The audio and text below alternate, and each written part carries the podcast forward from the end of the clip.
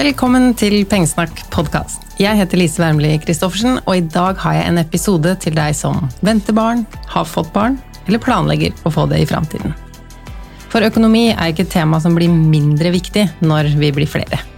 Vi ønsker oss gjerne en stabil økonomi i småbarnsfasen, og så ønsker de fleste av oss å tilbringe tid sammen med barna når de er helt små. Jeg har besøk av Martin Brauer, som jobber med foreldrepenger i Nav. Velkommen hit. Takk. Jeg har lyst til å begynne med å spørre, Er det sant at Norge har verdens beste ordning for foreldrepermisjon?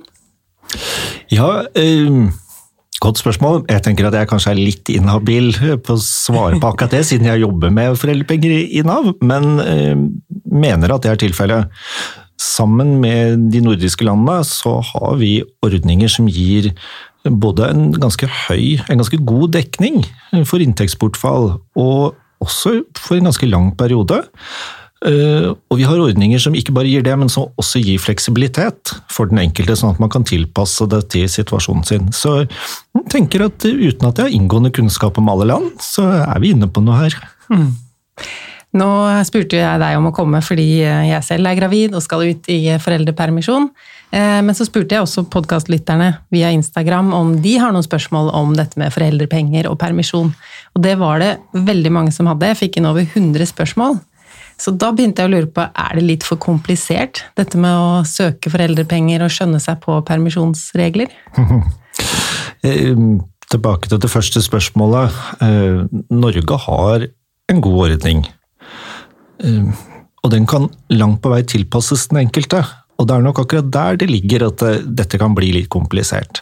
Det handler om både deg og om arbeidsgiveren din, om inntektene dine, og om, ofte også om en far. Og det handler om hvor lang tid ønsker man å ha det, og mye som skal på plass.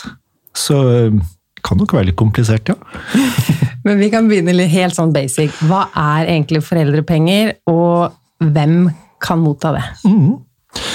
Foreldrepenger, det handler om at man skal være hjemme og ha omsorg for et lite barn, og så har man vært i jobb eller i næring tidligere. Men logisk sett, når du er hjemme og har omsorg for et barn, så har du ikke da så himla mye inntekter, og da kommer foreldrepengene inn og dekker opp for det inntektstapet. Det er kort fortalt foreldrepenger.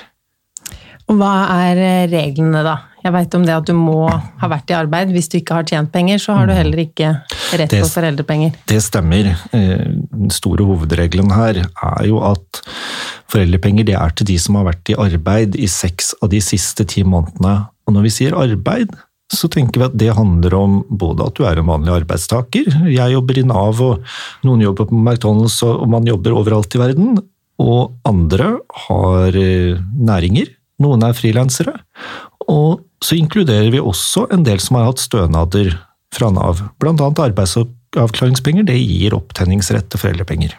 Ja, Så hva med de som har blitt permittert nå under korona og kanskje fortsatt er permitterte? Mm. Har de rett til foreldrepenger? Jeg har fått med meg at det er noen av de våre, ja. Det er sånn at uh, mottar du lønn under permittering og mottar du dagpenger, Eh, og er du også en selvstendig som har kommet over på denne kompensasjonsytelsen for selvstendige og frilansere, så tjener du også da opp rett til foreldrepenger. Ja, så det er gode nyheter. Yes, det er, det er ikke en sånn mellom stolene situasjon her. Men de som ikke har rett på foreldrepenger, får de ingenting, de da? Jo, det får de, men de får ikke foreldrepenger, som, som, du sier. De som ikke har rett på foreldrepenger, de har rett på noe som heter fødselsengangsstønad. Da er egentlig det eneste kravet at du er kvinne som føder barn, og at du er det man kaller medlem av folketrygden. Det handler som regel om at du er bosatt i Norge. Og Da kan du søke om engangsstønad, og den eh, ja, pleier å gå litt opp hvert år, men nå er den på 84 720 kroner. Så det er noe der òg. Men da får man det utbetalt når babyen blir født, og så er det ikke noe mer? Eh, du søker om det enten før eller etter, og så kan vi innvilge fra en dato eh, litt sent i svangerskapet, kan vi innvilge å utbetale allerede før babyen er født, og så får du det, og så, som du sier, så er det ikke noe mer. Men er det noen tilfeller der man bør velge engangsstønad over eh, foreldrepenger? Da må man regne lite grann, for det kan hende det at du uh, har rett på foreldrepenger, at du har vært i jobb, men at opptjeningsgrunnlaget ditt er såpass lavt at uh, hvis du legger sammen alle dagene du kommer til å ha foreldrepenger, så blir det så lite at engangsstønaden er høyere. Mm. Det kan hende. Um, Lurer du på om bør jeg velge engangsstønad eller bør jeg søke om foreldrepenger? Så tenker jeg da ring til Nav og sett oss litt på prøve og spør oss om det. Kan vi hjelpe deg med det? Så bra. Eh, men det mange som skal søke foreldrepenger naturlig nok lurer på, er jo hvor mye får jeg? Mm -hmm. Har du et godt svar? Ja, vet du Får alle like mye?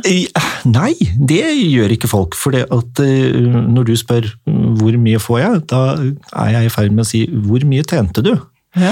Fordi at eh, for arbeidstakere så er det sånn at foreldrepenger det regnes ut eh, Man får opp til noe som heter seks ganger grunnbeløpet. Det er sånn rett under 600 000. Man kan få opp til det, men det regnes ut etter månedslønna di. Eh, for frilanserne så er det som regel et snitt på de tre siste månedene.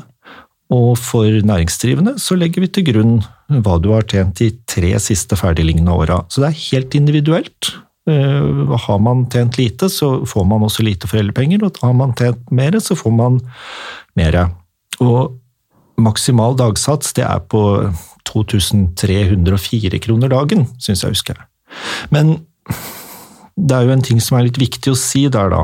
Eh, og veldig mange som eh, er arbeidstagere, har avtaler med arbeidsgiver om at arbeidsgiver utbetaler full lønn under fravær. Sånn at om du har tjent Om du har en årslønn på La oss gripe et tall, fire millioner. Så er det klart at Nav vil ikke kompensere fire millioner, men det kan hende at du har en avtale med arbeidsgiveren din om full lønn under permisjon. Men det må du finne ut av selv, og så må arbeidsgiveren gi beskjed om det til Nav, så vi vet hvem vi skal betale pengene til.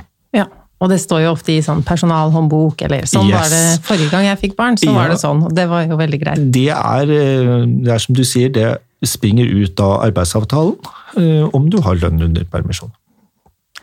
Mm. Sånn de der tre siste månedene før fødsel som mm. du snakket om, det gjelder kun frilansere, eller hvem er det som kan basere de tre ja. siste månedene? For frilanserne så er det et snitt på de tre siste månedene, og Eh, det legger vi også som hovedregel til grunn for arbeidstakerne.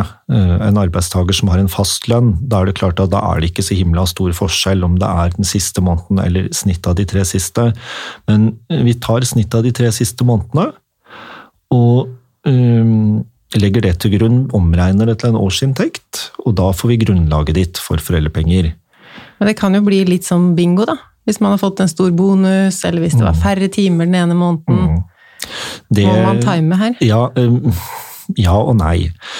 Uh, bonus uh, Bonusen uh, er, kan være litt problematisk hvis det er sånn at bonusen er et resultat av det du har jobba.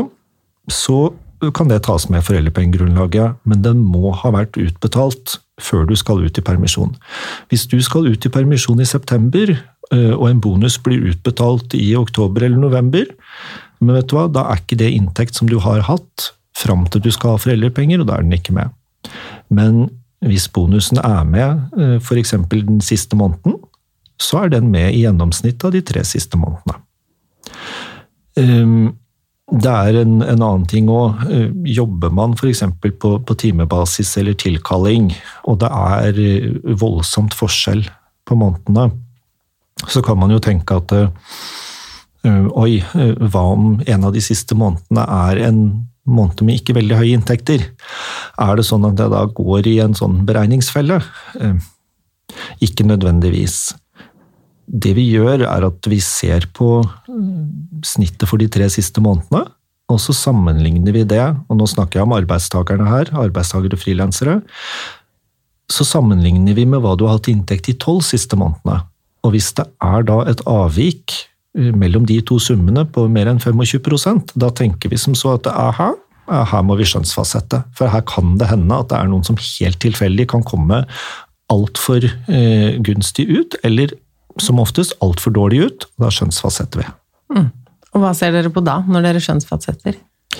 Da pleier vi å, å skjønnsfastsette et grunnlag, ikke sånn eh, helt ut fra lufta, men rett og slett vi baserer oss på gjennomsnittet for, uh, for de siste tolv månedene. Ja, det går her, litt lenger tilbake. Ikke sant? Mm. Uh, vi bruker det snittet på tolv måneder, men det er klart at der man f.eks. har bytta jobb flere ganger, så må vi tenke litt på det også. Så det er, det er en, en skjønnsfastsetting. Og så kommer vi til de selvstendig næringsdrivende, som jo jeg er nå. Hva, ja. Hvor starter vi da? Ja, da, da, starter vi litt eh, langt tilbake i tid. Fordi at eh, det folketrygdloven sier om det, er at vi skal beregne det ut ifra gjennomsnittet av de tre siste ferdigligna årene.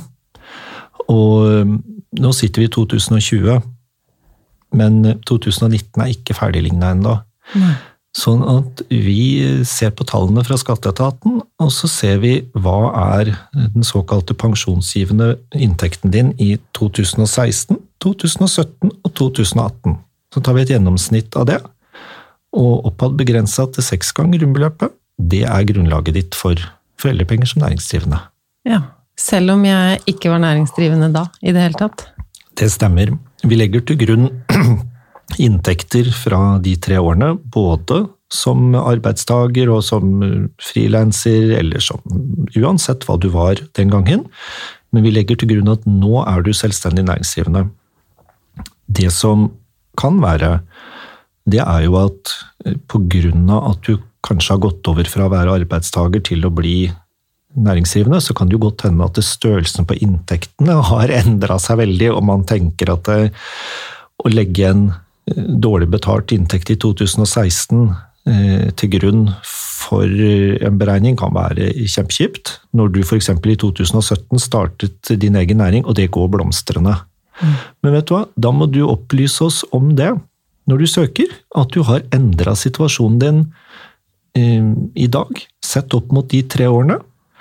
Og hvis vi ser at eh, du ikke bare har en eh, Eh, mye høyere eller mye lavere inntekt nå, sammenlignet med de tre årene, men at du faktisk også har en endra situasjon, da har vi i noen tilfeller muligheten til skjønnsfasette.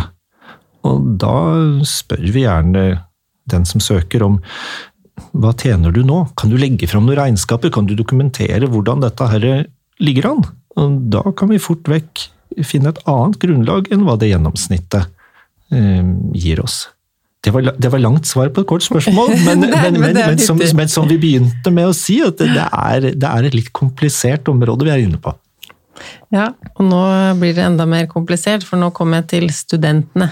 Ja. Hvordan ser det ut for en student som skal bli forelder? Ja, Da tenker jeg at uh, hvis, hvis noen hadde vært på telefon og hadde sagt at uh, jeg er student, har jeg rett på foreldrepenger? Da ville jeg snudd om på spørsmålet, og så ville jeg sagt at e egentlig veldig bra at du er student, men akkurat det er jeg ikke så kjempeinteressert i. Jeg er interessert i har du vært i arbeid ved siden av studiene.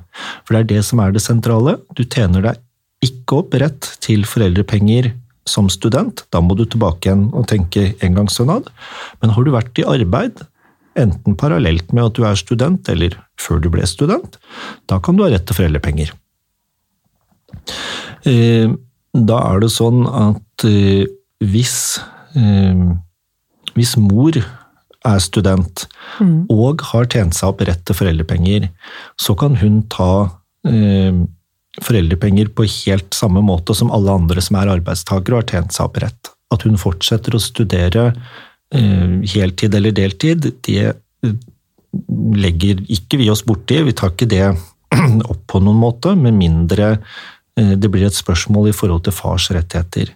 Men altså, har mor jobba, og også er student, ja vel, da har hun rett på foreldrepenger, og litt sånn ferdig med det. Men spørsmålet blir jo ofte, da, hvis mor skal være fulltidsstudent, så kan det jo bli litt mye å, å studere på fulltid og være hjemme og ta uh, omsorgen for et barn. kan bli litt mye. Så vi ser nok at uh, der mor er fulltidsstudent, så er det nok mange fedre, forutsatt at de har tjent seg opp rett til foreldrepenger, så tar de ikke bare fedrekvoten, men de tar mye av fellesperioden. Sånn at mor tar ofte en kortere periode, og så tar far en lengre periode. Og det kan han gjøre hvis hun er fulltidsstudent. Ikke hvis hun studerer deltid, men fulltid. Og da kan far ende opp med ikke disse kun de 15 fedrekvoteukene, men opptil 31 eller 37 uker, kommer litt an på om de har valgt et kortere eller lengre eh, uttak. Ja, Så da tar han hele fellesperioden og fedrekvoten? Ja. Men de tre ukene før fødsel og seks ukene etterpå, de må mor ha uansett? Ja, de må mor ha uansett. Og da er det sånn at uh, uansett om hun tar de eller ikke, uh, så vil ikke han få de. Mm. Men hvis begge er studenter, da, hva kan man gjøre? Må man forte seg å begynne å jobbe? Det blir vanskelig uansett å rekke seks måneder, kanskje? Ja, det er det. Er det at der Her må man tenke seg om hvor man er i livet og hvilken situasjon man sitter i.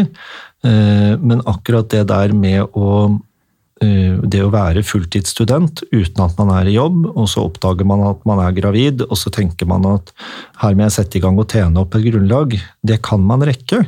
Men før jeg hadde gjort det, så hadde jeg nok også tatt en telefon med Statens lånekasse for utdanning, og så hadde jeg forhørt meg litt med de om er det noen ordninger, eh, hvordan fungerer det med stipender, hvordan fungerer det med lån i en periode når man får barn?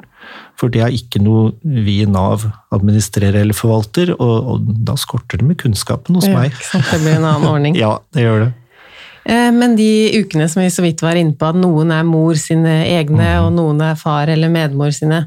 Mm. Kan du fortelle litt mer ja, om den delingen? Ja, og, ja. ja, ja, det kan jeg. Um, det er noen bestemmelser i folketrygdloven som sier at eh, foreldrepengeperioden er delt opp. Det er tre eh, hoveddeler. Det er en del som er fedrekvoten, og det er en del som er mødrekvoten, og det er en del som er fellesperioden. Og sånn helt overordna så er det mor som kan ta mødrekvoten, og far kan ta fedrekvoten, og så kan de fordele fellesperioden mellom seg på visse vilkår. Og, For fellesperioden, det betyr ikke at man er hjemme begge to? Nei, det gjør det ikke. Eh, man kan i noen tilfeller eh, være hjemme begge to, men da er det regler på at man ikke kan ta ut mer enn eh, deler. Man kan ta 50% hver og sånn. Og det tenker jeg er litt komplisert å, å, gå inn på, så jeg tror jeg holder meg til at en er hjemme av gangen. Ja. Mor er hjemme med mødrekvoten, far er hjemme når han skal ha fedrekvoten. Og så kan de fordele fellesperioden seg imellom. Det er eh, få vilkår for det når det er mor som skal ha hele fellesperioden, og så knytter det seg noen vilkår til at mor må være i aktivitet hvis far skal ha hele eller deler av fellesperioden. Og så kan man jo tenke eh, ja vel, hvorfor skal Hvorfor skal Nav legge seg borti at det er tre forskjellige perioder, og nå må far og nå må mor og, og det løpet der? Men dette er bestemmelser i folketrygdloven. Det er uh, familiepolitikk på høyt plan, og det legger ikke vi oss veldig borti. Det er bestemt. Og det handler nok bl.a. om at f.eks. man skal ha en bestemt fedrekvote som skal stimulere og motivere til at far faktisk tar permisjon, er hjemme sammen med barnet, og at man ikke Eh, gjør at man ikke går kanskje i eh, en tradisjonell greie med at nei, men mor fortsetter bare permisjon. Så, så, kan man diskutere mye om hvor bra eller hvor dårlig det er, men det er det regelverket som er i dag. Men Ser dere en stor endring i hva fedrene tar ut, eller er det stort sett sånn at uh, far får fedrekvoten? Selv om den har endra seg opp og ned i antall uker, så tar far den, og så tar mor resten? Eller er det flere og flere som har en lengre fedrekvote? Vi ser at eh, flere og flere tar eh, hele fedrekvoten. Og uten at jeg skal eh, si at det er et sånn helt fast mønster, så ser vi nok også en trend at flere fedre begynner å ta mer av fellesperioden. Og det er jo klart at det handler nok litt om en utvikling i samfunnet. Og så kan det godt hende også at Eh, våre søknadsløsninger og vår informasjon har blitt bedre på at far faktisk kan ta mer enn fedrekvoten. Mm. Et spørsmål som har kommet inn fra en lytter, det handler om fristen for å endre permisjon. For da har de kanskje tenkt at far skal ta veldig mye, og så ombestemmer de seg når barnet er født. Går det an? Ja, det går an. Eh, søk om det dere skal ha, og i det øyeblikket man finner ut at nei, vet du hva, sånn skal det ikke være, så søk om å endre det. Det må man passe på å søke om før man har begynt å ta det. Hvis man har tenkt at, eh, at far skal ta veldig mye, så kan på en måte ikke far ha begynt å ta dette veldig mye, og så søker man i ettertid om vi ville egentlig at det skulle være omvendt. Da må man søke om det før man begynner. Men det man egentlig er helt låst på, er at uh, man søker om å ha et 80% uttak i en lengre periode, eller 100% uttak i en kortere periode. Det er man låst på, men man kan endre uh, uttaket senere. Og det ser vi at det er mange som gjør. Man uh, bestemmer seg nok før barnet er født for at far skal ta så mye og mor skal ta så mye, og man skal kanskje jobbe delvis, og så skal man utsette litt og gjøre litt sånn. Og så blir barnet født, og så slår virkeligheten inn. Og da ser vi at endringssøknader, det, det kommer, og det behandler vi. Og søk i, i, i, rimelig tid før eh, man setter i gang med den endringen, så går det bra. Du nevnte dette med 80% og 100% permisjon. Det er jo et valg man må ta. Mm -hmm. Hvorfor det? Jo, da er eh, lovverket lagt opp sånn at man har et valg. Man kan Eh, velge en foreldrepengeperiode som løper enten i 49 uker eller i 59 uker.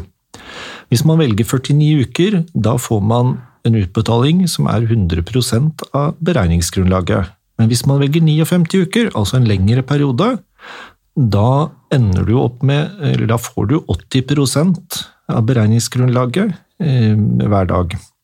Det, det er jo lagt opp sånn for at folk skal ha en valgfrihet. Vil du ha eh, full dekning i en kortere periode, eller ønsker du litt lavere dekning i en lengre periode? Og Det er eh, for å gi folk en valgfrihet.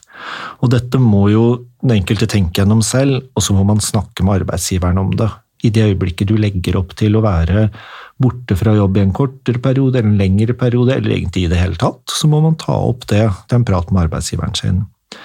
Så ser man gjerne sånne råd, da, at hvis man har lyst til å ha den lange perioden, mm. så bør man heller søke om 100% og så ta en ulønna permisjon mm. etterpå. Er du enig i det? Du, eh, du, ender jo opp Det er jo et sånn regnestykke som, som, er faktum, at du kommer bedre ut av det hvis du velger en høyere utbetaling, dvs. Si 100% i 49 uker. Det blir mer penger enn 80% i 59 uker. Ja vel. Um, om man velger eh, å ta 100% og så avtaler man med arbeidsgiveren sin at i etterkant av det så skal jeg ha noen uker med ulønna permisjon. Det tenker jeg at det må være opp til den enkelte, men da må også den enkelte orientere seg litt. Eh, kan godt ta en telefon til oss i Nav og høre om hva skjer da, hvis jeg f.eks i løpet av den ulønna permisjonen blir syk, har jeg rett på sykepenger? Hvordan ligger det an? Det, det er, da er man litt inne i et regelverk som jeg tenker jeg skal holde meg litt unna det i dag, men det er noen ting som man bør tenke gjennom, og man bør snakke med Nav om det. Hva skjer hvis situasjonen min endrer seg i en ulønna permisjon? For da ligger det i korta at blir du sykemeldt eller et eller annet skjer da, så kommer det inn en vurdering. Eh, hvilken inntekt har du nå tapt? Og har du en periode med ulønna permisjon, så blir jo det et litt vanskelig spørsmål. Mm. Så søk råd hos oss i Nav, eh, og få mer veiledning f.eks. rundt reglene for andre stønader. For det er ikke et bestemt uketall man kan si? At du kan være hjemme i et par uker, men ikke over så og så mye? Det går ikke på lengden på den ulønna permisjonen? Jo, eh, det gjør det. Eh, man kan si grovt sett eh, at der man har vært ute av jobb i en ulønna permisjon i fire uker eller mer, da vil du få et problem hvis du skulle bli syk. Mm. Um, og den der fedrekvoten. Er det noe mulighet for at mor kan få far sin fedrekvote? Ja, det er det. Det er noen uh, muligheter for at far uh, for at far ikke tar fedrekvoten og mor tar den, men Hvis han ikke har lyst, eller? Nei, vet du hva, dit har vi ikke kommet. Nå er det sånn at mor kan ta fedrekvoten kun der far er helt avhengig av hjelp til å ta seg av barnet, eller der far ikke har tjent opp rett til fedrekvote. Men hvis det er sånn at far eh, i anførselstegn sitter fast i jobb eller et eller annet i den duren, så kan ikke mor overta. Men far kan. Hvis han jobber full tid, så kan han utsette fedrekvoten til senere. Frem til Han må ha tatt fedrekvoten før barnet fyller tre år. Men Tre år, ja. yes, Da har han litt tid på seg. det har han. Og vet han at han skal være i full jobb, og ikke her og nå har eh, helt klart for seg når han skal ta den fedrekvoten, nei vel, men søk om utsettelse fordi du sitter i full jobb. Og så vet du at fedrekvoten er 15 uker, og da hadde jeg søkt om utsettelse av den fedrekvoten fram til et tidspunkt som ligger 15 uker før barnet fyller tre år, for det er da maksimal utsettelsesperiode man kan få. Og så hadde jeg, hvis jeg fant ut lang tid på forhånd at eh, søren heller, nå skal jeg ta fedrekvoten, ja, da kan du avbryte den utsettelsen. Så eh, Ja, for da har du den liggende inne som da, en yes. Ja. da ligger den inne. Og uh, søk om utsettelse før mor er ferdig med perioden, og så kan vi avgjøre det. Og så får du heller si ifra senere når du ønsker det øh, uttaket, da. Men det er ikke sånn at far, øh, om han sitter fast i jobb, eller om han sitter fast i egen næring, så er ikke det en begrunnelse som er tatt inn i folketrygdloven for å overføre fedrekvoten fra far til mor. Mm. Det var langt svar på kort spørsmål. Nei, men Veldig fint. Men nå begynte jeg å tenke på denne søkinga. Eh, det er en som har stilt spørsmålet om man bør vente med å søke foreldrepenger til graviduke 36. Eller når skal man egentlig søke? Bør jeg søke snart? Man øh, bør søke Man bør søke øh, forholdsvis tett opp til nedkomst, for det har egentlig ingen hensikt øh, å søke veldig tidlig. Dette har sammenheng med at øh, særlig for arbeidstakere så trenger vi inntektsopplysninger eh, til og med liksom den siste måneden før du skal ut i permisjon. Og om, om, en, eh, om en kvinne søker om foreldrepenger et halvt år på forhånd, eh, så tenker jeg som så at eh, både har man kommet litt tidlig i svangerskapet, men en arbeidsgiver vil jo ikke kunne opplyse oss noe om inntektsforholdene, for dette kan jo variere framover. Så det har ingen, ingen hensikt. Eh, Men siste frist, da? Siste frist for, for mødre er ikke eh, nedkomst heller. Eh, det er innen tre måneder etter nedkomst må mor søke om, om foreldrepenger. Er- Tre måneder etter ja, ja. fødsel. Ja. Og hvordan søker jeg? Du søker via nav.no. Eh, elektronisk søkedialog. Eh, veldig greit lagt opp. Man eh, logger seg inn med bank-ID og eh, fyller ut alt man har av informasjon, og man må ta noen valg. Ønsker du f.eks., som vi snakka om tidligere, 80% eller 100% og ønsker man noen utsettelser, og hvor mye av fellesperioden skal man ta? Det må man inn der med. Men en grei søknadsdialog. Må jeg ta foreldrepengeperioden i ett jafs? Er det en som har spurt om. Det har vi jo vært litt inne på, at man kan utsette og Nei, og da er vi ikke sant, tilbake igjen til, til det som er både bra, men litt kompliserende. Og det er at nei da, trenger ikke å ta det i, i en jafs. Det er noen regler eh, i folketrygdloven om at du på visse vilkår kan utsette. F.eks. hvis du skal være i fulltidsjobb, hvis det er eh, helsemessige forhold, eller så kan du også gjøre det som kalles du kan gradere. Og det handler om at man kan være i delvis jobb og ha delvis foreldrepenger. Sånn at eh, avtaler du med arbeidsgiveren din at eh, vet du nå, nå begynte det på en måte å, å, å klø litt i fingrene etter å begynne igjen i jobb. Ja vel, da kan du avtale det med arbeidsgiveren at du f.eks. skal jobbe 50 og så søker du Nav om 50% foreldrepenger og 50% jobb, og det vi gjør da, er at vi tar den perioden du skal være i 50% jobb, og reduserer foreldrepengene, men så får du foreldrepenger i en tilsvarende lengre periode. Det blir litt som pålegg på brødskiva, at du kan velge å ha tjukt med pålegg på den ene sida, eller så kan du på en måte smøre det litt sånn lenger og tynnere utover. Valget er der. Og siste frist for å ta ut alt, er det tre år? Ja, eh, det er, det er to frister. Eh, Foreldrepenger som ikke er tatt, opp, eh, tatt ut, vil falle bort når barnet fyller tre år, eller du får et nytt barn. Sånn, oh, ja. sånn at vi Vi sjonglerer ikke med eh, foreldrepenger til to personer til to barn samtidig. Det, der har eh, lovgiver gått inn og, og satt en grense. Eh, nytt barn eller tre års gammelt barn, da faller bort det man hadde De fra dagene man eventuelt- Mm. Så det må man passe på selv, men vi ser jo at eh, i de fleste tilfeller så er nok ikke det en, en utfordring. Det er nok noen fedre som har utsatt og utsatt, og så mm, plutselig så feirer man treårsdag og har ikke helt tenkt gjennom, og så forsvinner noe. Men det er, det er sjelden at man f.eks. har en, eh, et graderingsopplegg som, som løper så lenge. Det, Ja. det ser vi nok lite av. Men sånn generelt, er det noen fallgruver når jeg går inn der for å ordne med permisjon? Er det noe jeg kan gjøre feil, eller Jeg noen tabber? Ja, ikke sant. Jeg har jo da egentlig lyst til å si at nei, vet du hva, det er ingen tabber man kan gjøre, men det er, det er særlig én problematikk som vi ser uh, gå litt igjen. Og det handler om at hvis far skal ha hvis far skal ha fedrekvote, og han ikke skal ha det rett etter at mor er ferdig med sin periode, så må han både søke om fedrekvoten, og han må søke om å få utsatt det til senere, innen mor sin siste stønadsdag. Hvis han søker om det langt senere, da er regelverket sånn at da har dagene hans begynt å løpe dagen etter at mor var ferdig med sin periode, selv om han ikke tok de ut. Og det ser vi nok en del tilfeller, at far tenker som så at eh, fedrekvoten den skal jeg jo ikke ta ut eh, før barnet f.eks. er to år, og så søker han omtrent på toårsdagen, men da har toget gått. Eh, Vi informerer eh, alle fedre om dette her.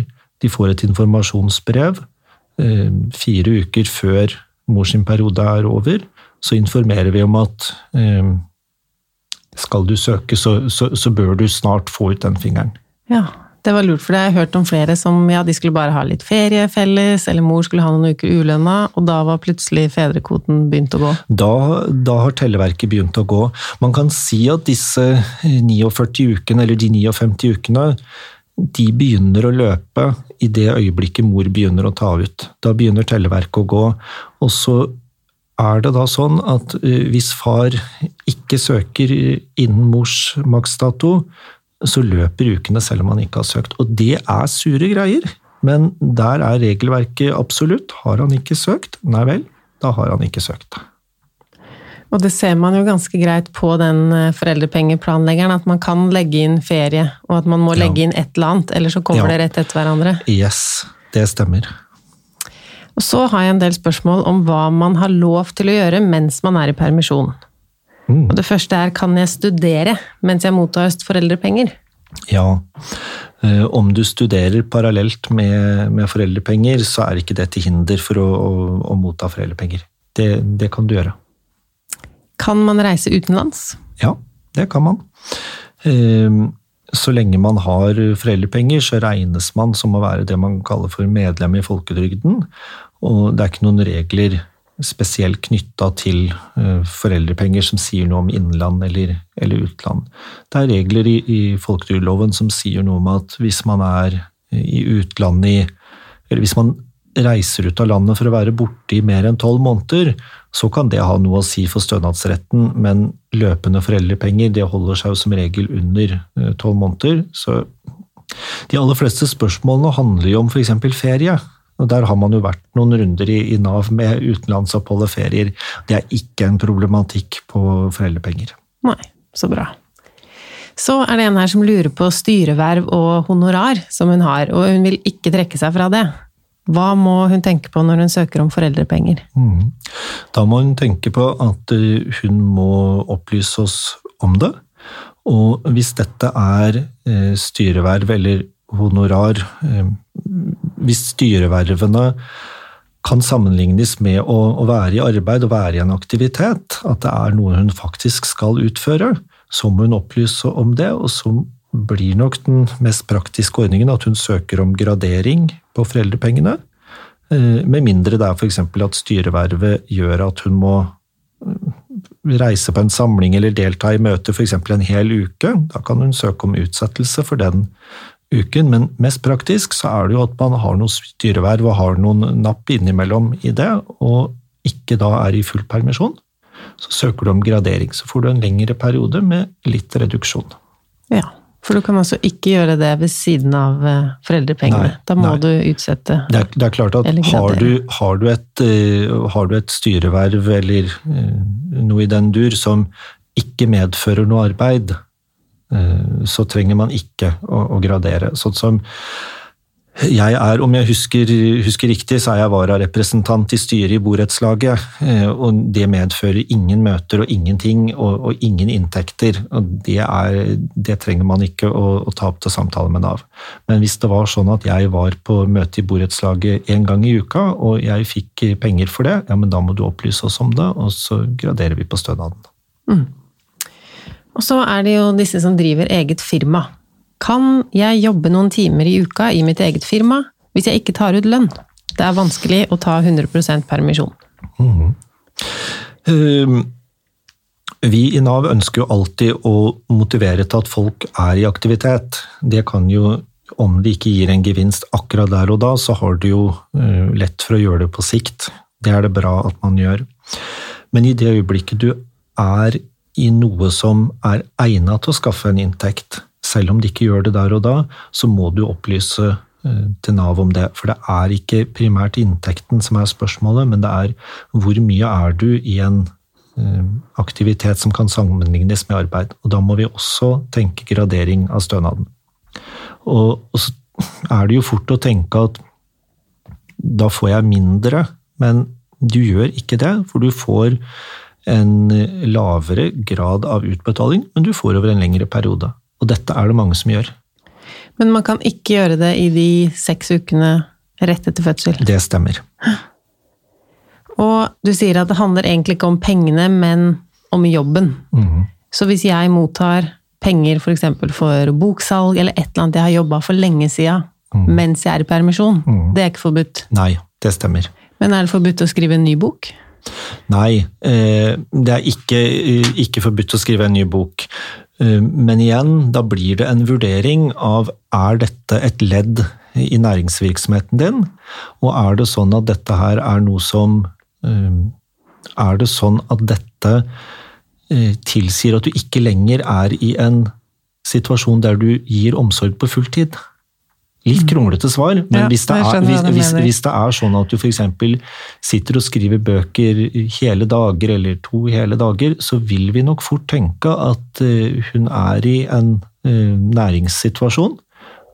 Dette gir først penger når julesalget slår til i bokhandlene, men hun er i en næringssituasjon nå, og det må hun opplyse oss om, og så graderer vi på stønaden. For hvor går liksom grensa da, for hva som er jobb, og sånn som jeg har jo en uh, konto på Instagram hvor jeg deler mm. sparetips og sånn. Og da jeg begynte med det, så var jo det på ingen måte jobb. Og nå er det jo plutselig en del av virksomheten min. Mm. Kan ikke jeg legge ut noe på Instagram mens jeg er i permisjon, da? Jo, det er klart at det går en, det går en grense mellom hva som er, hva som er hobby, og, og hva som er næring.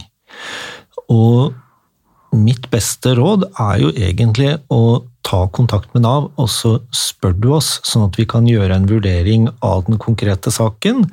Eh, og det er klart, jeg kan eh, informere litt om det nå, men man må ikke bruke det som et utgangspunkt for å tenke at ja, men da skal ikke jeg melde ifra, eller da må jeg melde ifra. Ta kontakt med Nav, for dette her er jo spørsmål som eh, Vi har en del erfaring på det. Vi har eh, litt praksis på det, men det er klart at dette er spørsmål som har kommet for fullt først de seinere åra. Mm. Det var ikke Instagram på 80-tallet. Nei, og så tenker jeg det kan være forskjell om jeg legger ut noe for å selge noe, eller mm. som er veldig sånn businessrelatert, mm. enn om jeg legger ut ja, nå er denne babyen født, Ja. vil dere se. Og det, det tenker jeg at uh, ta det opp til en, en samtale med, med Nav, og, og forklar godt, for vi vet ikke nødvendigvis noe mer enn det du forteller til oss. Så snakk med oss om det, og så skal vi alltid finne en, en løsning på det. Og hva med podkasten? For nå har jeg bestemt meg for å ha eh, permisjon fra podkasten, at det ikke kommer noen episoder i det hele tatt Oi, eh, i tre måneder. Men jeg kunne ha forhåndsinnspilt hvis jeg gjorde det mens jeg var gravid, og så kunne de ha kommet. Ja. Så det er arbeidet som teller. ja, det er arbeidet som teller. Så en som spør, jeg vil bruke permisjonen til å starte bedrift. Er det egentlig lov? Ja, det er klart det.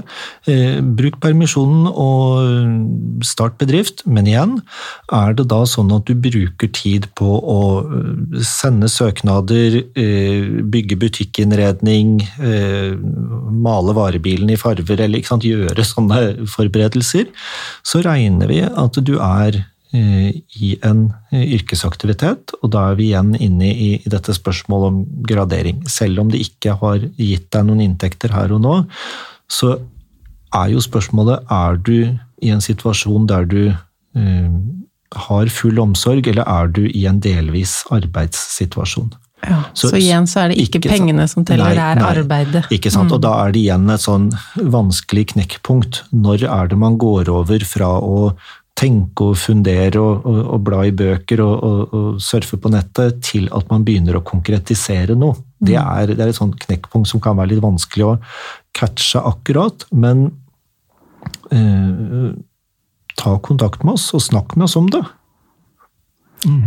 Men eh, det virker jo som det er mange tilfeller man burde ta kontakt og snakke. Og noen er kanskje redd for å være til bry, eller de vil helst bare gjøre det elektronisk. Har Nav kapasitet til å svare på alt om disse foreldrepenger og rettigheter, og nå skal vi jobbe en uke, og kan jeg flytte, og hva med far, og Eh, Vi har, eh, vi har et kontaktsenter på telefon 55 55 33 33, eh, der man har en spesialisert avdeling for bl.a. for foreldrepenger. Og de har kapasitet til å ta unna eh, mange spørsmål, og de er også veldig gode på dette her å gi veiledning i regelverket, og på når burde du søke, og hvor mye kan du få. Jeg oppfordrer absolutt til å ta kontakt med oss. og Det er jo vår erfaring at der folk er framoverlente og tar kontakt med oss om et område som man ikke nødvendigvis er borti så veldig mange ganger i livet, og det kan være mange spørsmål, så er det vår erfaring at tar folk kontakt, og vi får besvart noen spørsmål, så går ting ofte glattere, eh, og krever også mindre tid for oss i Nav, enn om man eh, søker litt sånn på lykke og fromme og føler at man ikke forstår noe, og så treffer vi kanskje noen vedtak som ikke er helt der de skal være, og så får vi kanskje en klageomgang, og så bruker vi mye tid på det. Så vi Ja, synes det er bedre at folk For at man kan klage hvis man syns at dette ble feil. Ja da. Eh, Man kan klage på et vedtak, og da er det sånn at vi gjør en ny vurdering. Og enten kan vi gjøre om, eller vi kan sende det til vår klageinstans, som gjør sin vurdering. De kan også gjøre om vår avgjørelse, men hvis de opprettholder vår avgjørelse, så er heller ikke toget nødvendigvis godt da, for da kan du også anke til Trygderetten, og så kan Trygderetten avgjøre det. Men du anbefaler å heller kontakte i forkant, og da var det 55 55 33. 33, 33. Ja. Og så må jeg reklamere litt også for eh, nav.no. Der man tenker jo kanskje fort at eh, jo, jo, en offentlig etat sine nettsider er kanskje ikke det sprekeste i verden, men eh, vet du hva, på nav.no så er det mye og god informasjon. Eh, Veldig mange problemstillinger og spørsmål og svar gis det svar på der, og man kan også på nav.no gi tilbakemelding på hva er det man eventuelt savner av informasjon. Hva er det vi kan bli bedre på i Nav? For det syns jo vi er himla ålreit å få noen tilbakemeldinger på. Supert. Tusen takk for at du kom, Martin Brauer fra Nav familie- og pensjonsytelser. Takk for at jeg fikk komme.